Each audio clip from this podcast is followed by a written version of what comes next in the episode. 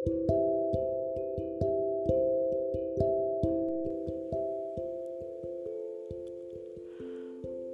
Meet Mary Part Namaste. Kembali lagi di Biara Niskala Podcast Bersama saya Mage Niskala. Maaf buat pendengar podcast Biara Niskala. Belakangan ini saya jadi jarang aktif dan update ya karena memang ada banyak hal yang harus saya kerjakan meski, uh, meskipun saya tidak benar-benar sibuk ya. Saya butuh waktu untuk belajar dan mengembangkan diri saya juga. Selain itu juga saya sedang berusaha untuk uh, mengistirahatkan beberapa bagian dari diri saya yang sudah saya gunakan dalam setahun yang lalu ya tahun 2020 itu. Oke bagaimana kabar kalian? Uh, masih sehat kan? Masih semangat untuk menjalani hari semangat untuk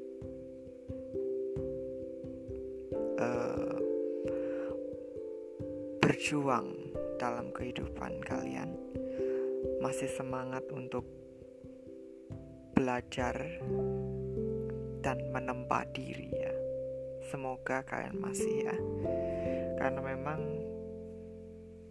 kondisi dunia saat ini benar-benar uh, menguji kita apakah kita masih sanggup untuk menjalani kehidupan tanpa terpengaruh oleh lingkungan sekitar, tanpa terpengaruh oleh energi dari sekitar.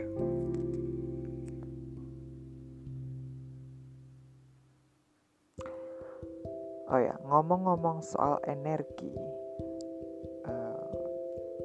episode Kali ini saya akan membahas tentang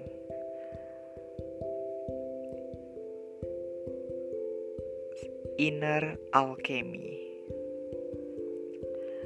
Mungkin beberapa dari kalian sudah ada yang pernah mendengar tentang istilah ini ya, inner alchemy. Jadi inner alchemy ini ada di cabang dari spiritual alchemy atau spiritual transmutation. Nama lain dari inner alchemy juga disebut inner transmutation ya. Topik ini berbeda dengan alchemy yang mungkin sudah diketahui oleh banyak orang tentang kalau kalian membaca atau pernah menonton film Harry Potter ya, di situ kan diceritakan bahwa Nicholas Flamel itu menciptakan batu bertuah dengan seni alkemi kan ya. Jadi batu itu bisa memberikan keabadian. Nah, atau mungkin kalian juga pernah membaca bahwa dengan alkemi ini kita bisa membuat logam menjadi emas atau membuat batuan menjadi berlian semacam itu ya. Tapi fokus dari inner alchemy ini bukan pada hal material melainkan hal yang non material. Inner alchemy di sini akan menargetkan pada pikiran dan juga perasaan atau emosional kita sebagai makhluk yang berperasaan atau sentient being ya. Pikiran dan juga perasaan itu memancarkan energi. Menghasilkan energi yang tanpa kita sadari sebenarnya itu adalah energi yang sangat besar dan kuat tergantung seberapa dalam pikiran dan juga perasaan atau emosi kita. Selain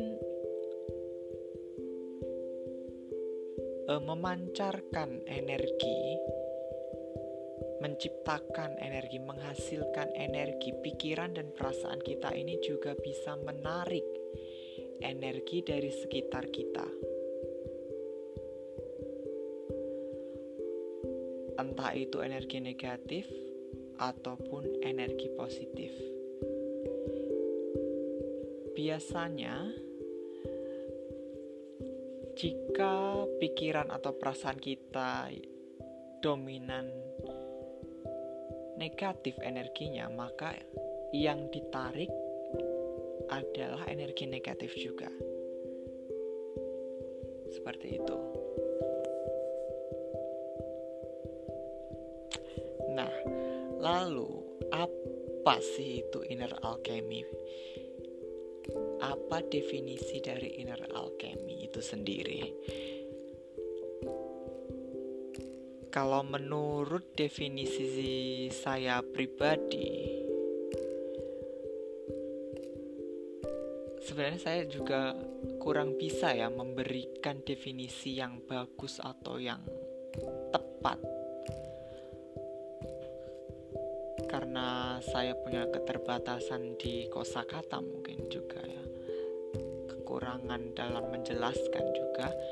Tapi inner alchemy atau spiritual alchemy ini adalah sebuah seni. Seni transmutasi atau seni mengubah suatu substansi yang non material dalam tanda kutip spiritual, emosional dan juga mental menjadi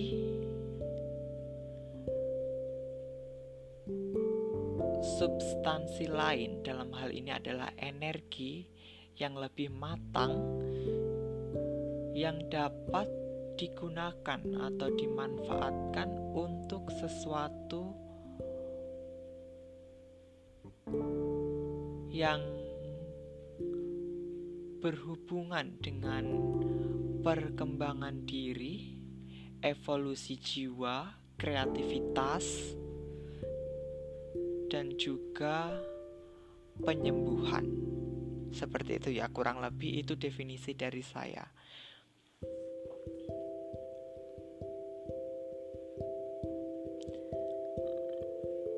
Lalu apakah inner alchemy ini bisa digunakan atau bisa dilakukan, dipraktekkan oleh semua orang ataukah hanya orang-orang tertentu? Semua orang sebenarnya bisa mempraktekkan inner alchemy ini, tapi mungkin hanya beberapa yang benar-benar akan menguasai atau ahli. Untuk orang awam, untuk orang awam mungkin mereka akan melihat ini sebagai sesuatu yang uh, aneh atau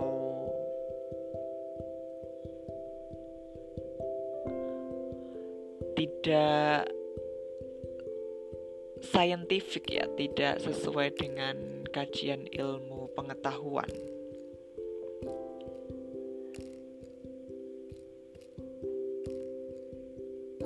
Tapi untuk orang yang berkecimpung di bidang spiritual, ini inner alchemy ini cukup bisa dipraktekkan oleh semua orang dalam tanda kutip mereka yang mendalami spiritual.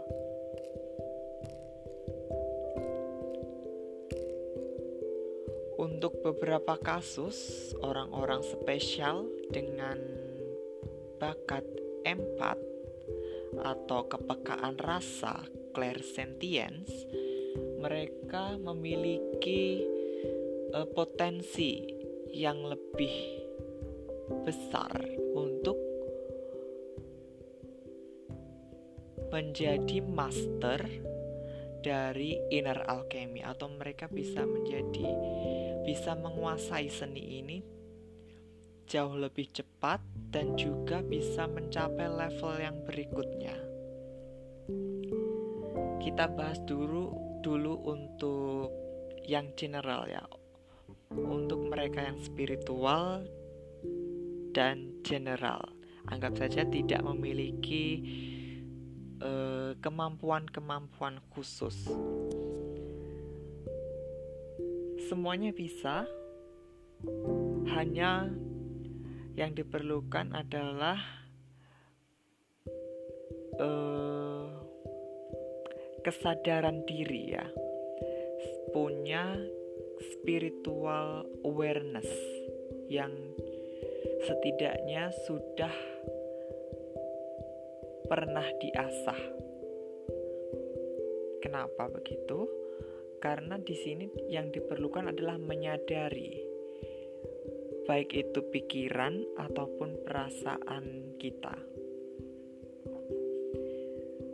Hal pertama yang diperlukan untuk mempraktekkan inner alchemy ini memanglah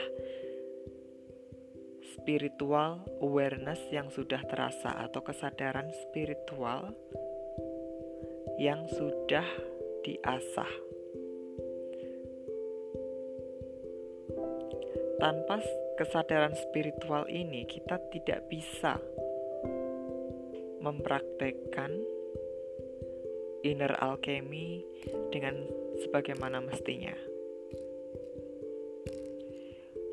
Inilah bedanya orang awam dengan orang yang spiritual. Karena orang yang spiritual tentunya juga mau tidak mau harus mulai mengasah dan melatih kesadaran spiritualnya mengamati rasa, mengamati pikiran, dan mengamati sekitar. Itu fondasi yang umum untuk mempraktekkan inner alchemy. Lalu apa tahapan berikutnya yang dibutuhkan untuk melakukan inner alchemy ini? secara umum, secara general ya, yang dapat dipraktekkan untuk semua orang adalah meditasi ataupun grounding. Bisa salah satunya, bisa keduanya dipraktekkan dalam sekaligus. Lalu bagaimana mempraktekannya?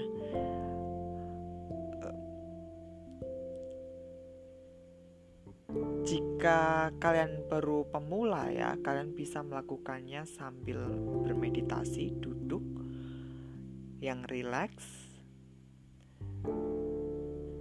Pejamkan mata dan bernafas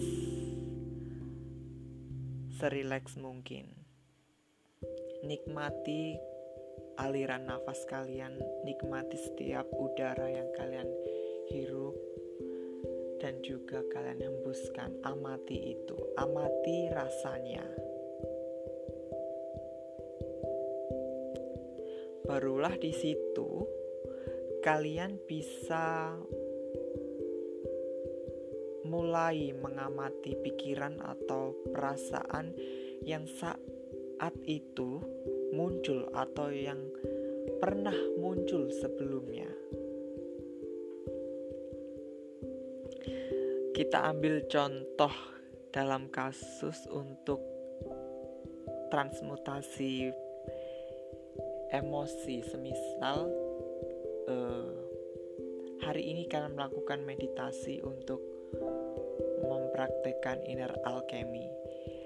Dan saat kalian meditasi pertama yang kalian rasakan adalah rasa marah atau mungkin rasa kecewa karena mungkin beberapa saat yang lalu atau beberapa hari yang lalu ada seseorang yang membuat kalian marah atau membuat kalian kecewa atau mengusik perasaan atau mengusik ketenangan kalian dan itu melukai perasaan kalian. Nah, di situlah kalian harus sadar menyadari ketika rasa itu muncul kalian harus menyadari Karena kebanyakan orang, untuk orang awam, ketika rasa itu muncul, mereka akan seolah-olah menjadi rasa itu. Bagaimana menjelaskannya? Seolah-olah melebur menjadi satu dengan rasa marah, rasa kecewa itu. Jadi mereka tidak tidak bisa mengambil tindakan yang tepat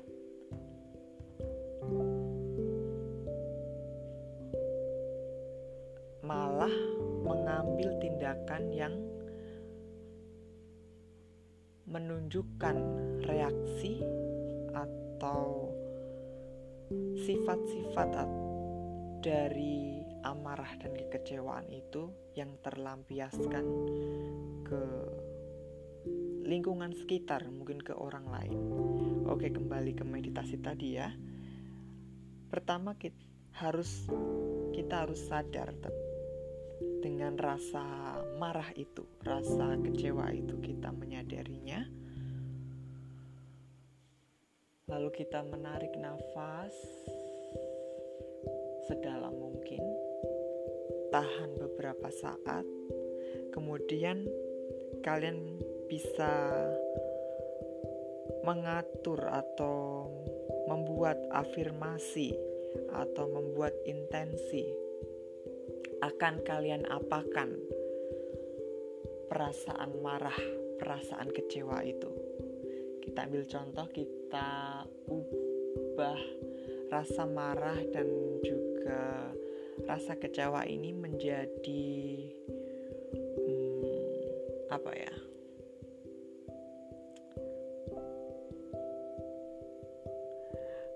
Secara general aja ya, kita kita akan mengubahnya menjadi energi spiritual untuk meningkatkan atau mem, semisal memperbaiki cakra atau meningkatkan kepekaan indera-indera rohani kita atau untuk penyembuhan juga bisa untuk apalagi ya untuk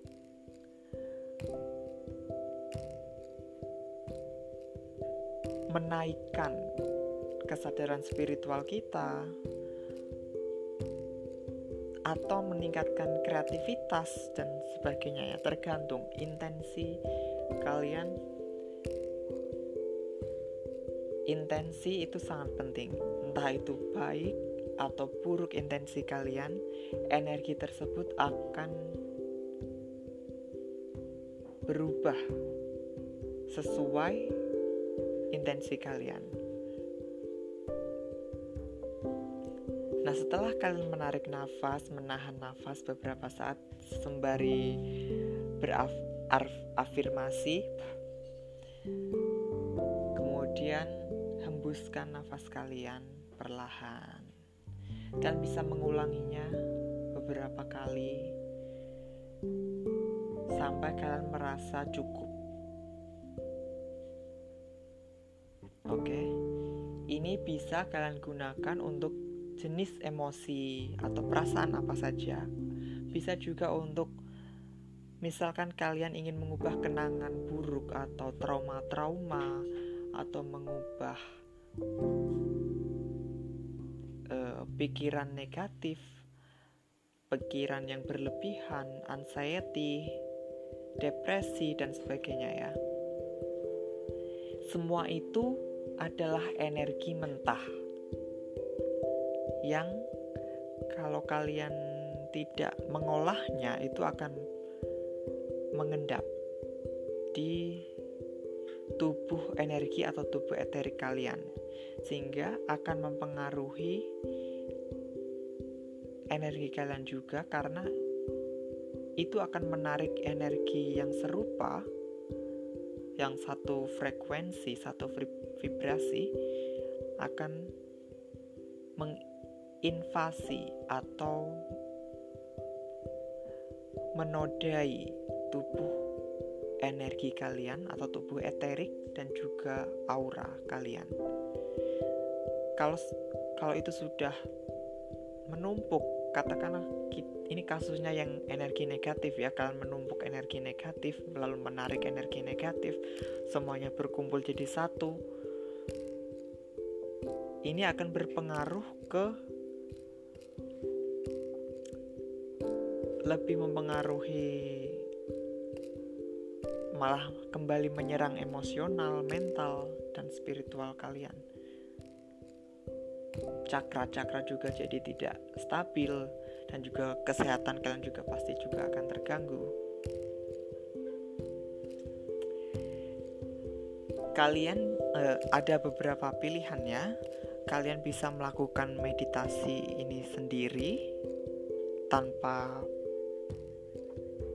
bantuan siapa pun dalam hal ini siapa ini uh, dalam konteks spirit guide atau malaikat pembimbing, malaikat penjaga, roh pembimbing, roh penjaga atau mungkin higher self kalian. Tapi kalian juga bisa meminta bantuan mereka, spirit guide higher self untuk membantu kalian. Jadi prosesnya bisa berjalan lebih mudah dan mungkin jauh lebih efektif. Uh, kalau ada bantuan atau bimbingan dari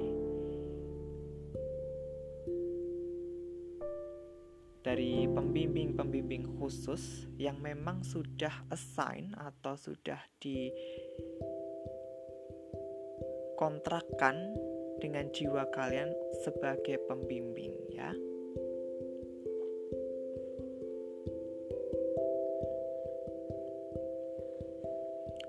Oke, selain dengan kita uh, agak naik sedikit ya levelnya selain dengan tadi ya dengan afirmasi dengan visualisasi dengan bantuan spirit guide atau higher self kita juga bisa menggunakan uh, teknik uh, channeling atau transmisi light language atau light code dari light being atau extraterrestrial makhluk yang ada di luar sana ya yang juga selalu sedia siap sedia untuk membimbing kita ketika kita memang membuka diri dan meminta dibimbing dalam spiritual alchemy ini. untuk kalian yang ingin menggunakan light language sebagai sarana inner alchemy kalian bisa cek di Instagram saya makinis at makiniskala atau di YouTube saya juga di Makini Skala atau kalian juga bisa mencari uh, youtuber youtuber lain yang memang secara khusus melakukan channeling dan transmisi light language atau light code untuk para penontonnya. Sudah banyak ya, tidak tidak hanya satu dua tapi ada banyak sekali kalian tinggal memilih mana yang paling resonate dengan kalian. Uh, untuk sekedar informasi apa bedanya light language dengan light code? Light language di sini adalah katakanlah ekspresi dari energi dan vibrasi yang bersumber dari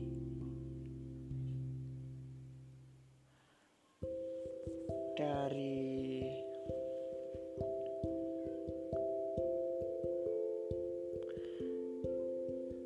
katakanlah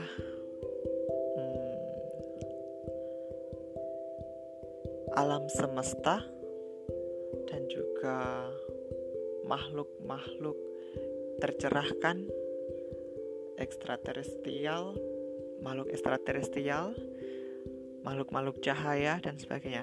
Light language ini bahasa universal, bukan bahasa seperti bahasa manusia yang tersusun berdasarkan kalimat-kalimat, kata, huruf, konsonan, vokal. Tapi light language ini bisa diekspresikan dalam berbagai macam. Bisa puisi yang di bis, yang didapat dari hasil channeling. Tapi di sini pasti puisi lagu itu sudah diterjemahkan oleh yang orang yang melakukan channeling ini ke dalam bahasa manusia ya. Tapi sumber darinya dari bahasa itu sendiri adalah vibrasi dan juga frekuensi atau energi juga yang diterima oleh sang penyalur, kemudian barulah ditransmisikan, diubah menjadi bahasa yang dimengerti oleh manusia. Lagu, puisi, musik, simbol-simbol. Nah, light code, light code itu adalah salah satu ekspresi dari light language salah satu pengaplikasian, salah satu manifestasi dari light language. Dan yang paling umum mungkin adalah bahasa aneh, bahasa aneh seolah-olah kita berbicara dalam bahasa yang tidak manusiawi, bahasa yang bukan bahasa manusia ya. Seperti hanya bahasa-bahasa buatan atau bahasa bualan omong kosong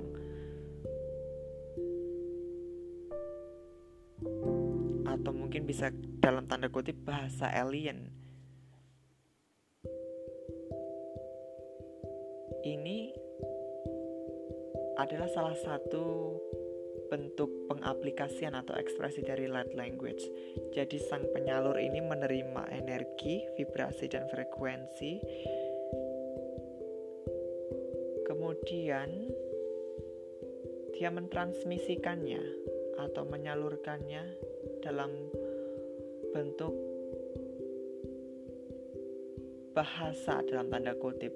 Meskipun itu bukan tidak bisa disebut sebagai bahasa manu, bahasa dalam konteks bahasa manusia ya. Mungkin mungkin juga ini sebuah bahasa tapi memang bukan bahasa manusia. Mungkin bahasa memang bahasa makhluk yang di luar sana atau bahasa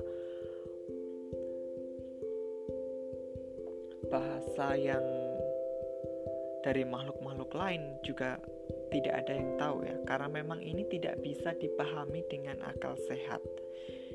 Untuk menerima energi vibrasi dan frekuensi yang ditransmisikan oleh seorang penyalur kita harus mengenyam mengesampingkan akal dan logika kita karena yang bekerja di sini hanyalah jiwa. Kita hanya perlu membuka diri dan menerima. Itu saja ya.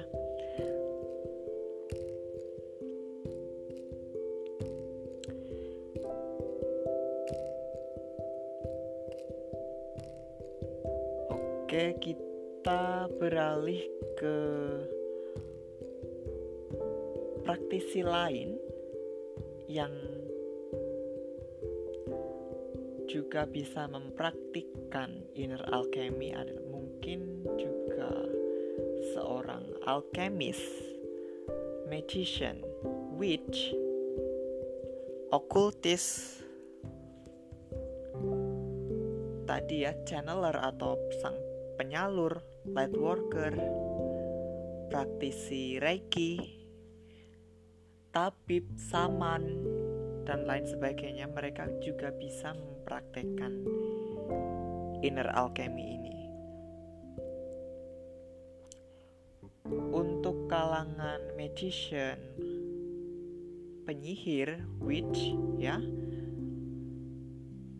inner alchemy ini juga bisa tidak hanya dilakukan dengan cara meditasi tadi ya. Meditasi itu adalah cara yang paling dasar. Untuk mereka dalam tanda kurung witch, magician dan segala praktisi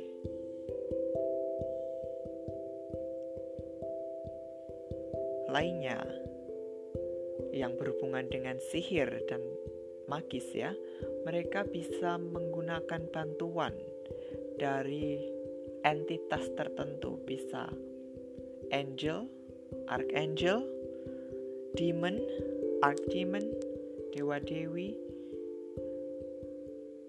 Itu yang umum ya.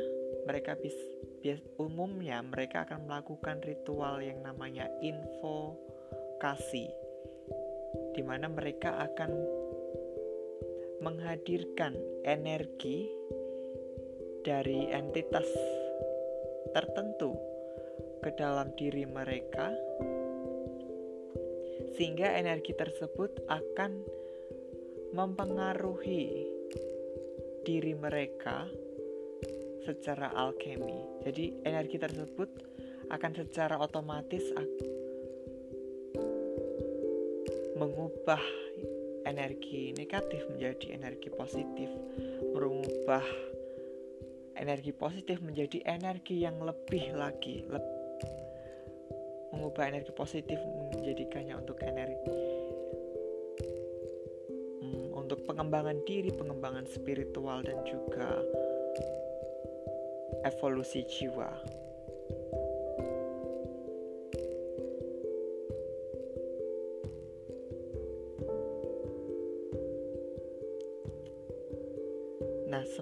Semoga dengan penjelasan yang sudah saya sampaikan ini untuk kalian yang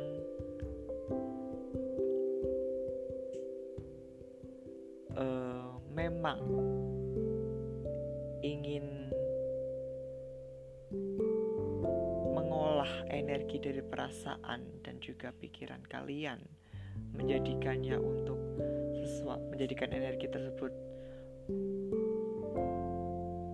menjadi sesuatu yang lebih bermanfaat untuk kalian sendiri atau orang lain di sekitar kalian, kalian bisa mempraktekannya sedikit demi sedikit.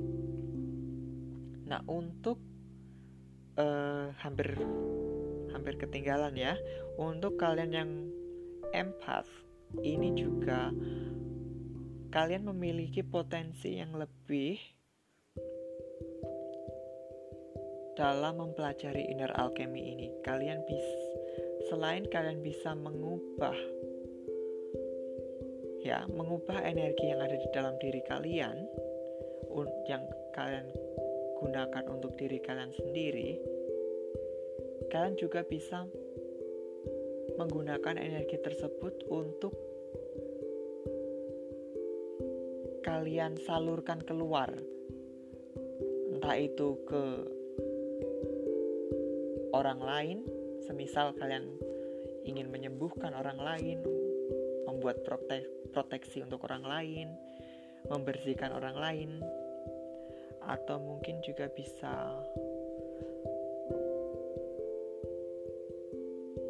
uh, kalian melepaskannya, melepaskan energi tersebut untuk jangkauan yang lebih luas, misalkan melindungi rumah, melindungi